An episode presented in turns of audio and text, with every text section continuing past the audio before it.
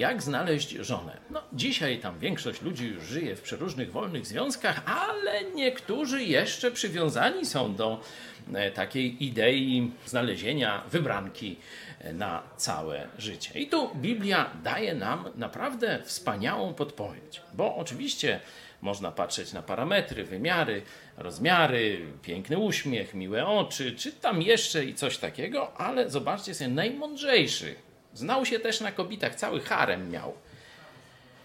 Król Salomon tak powiedział, 14 rozdział Księgi Przypowieści. Mądrość kobiet buduje ich dom, lecz głupie własnoręcznie go burzą. Wybierzesz głupią żonę?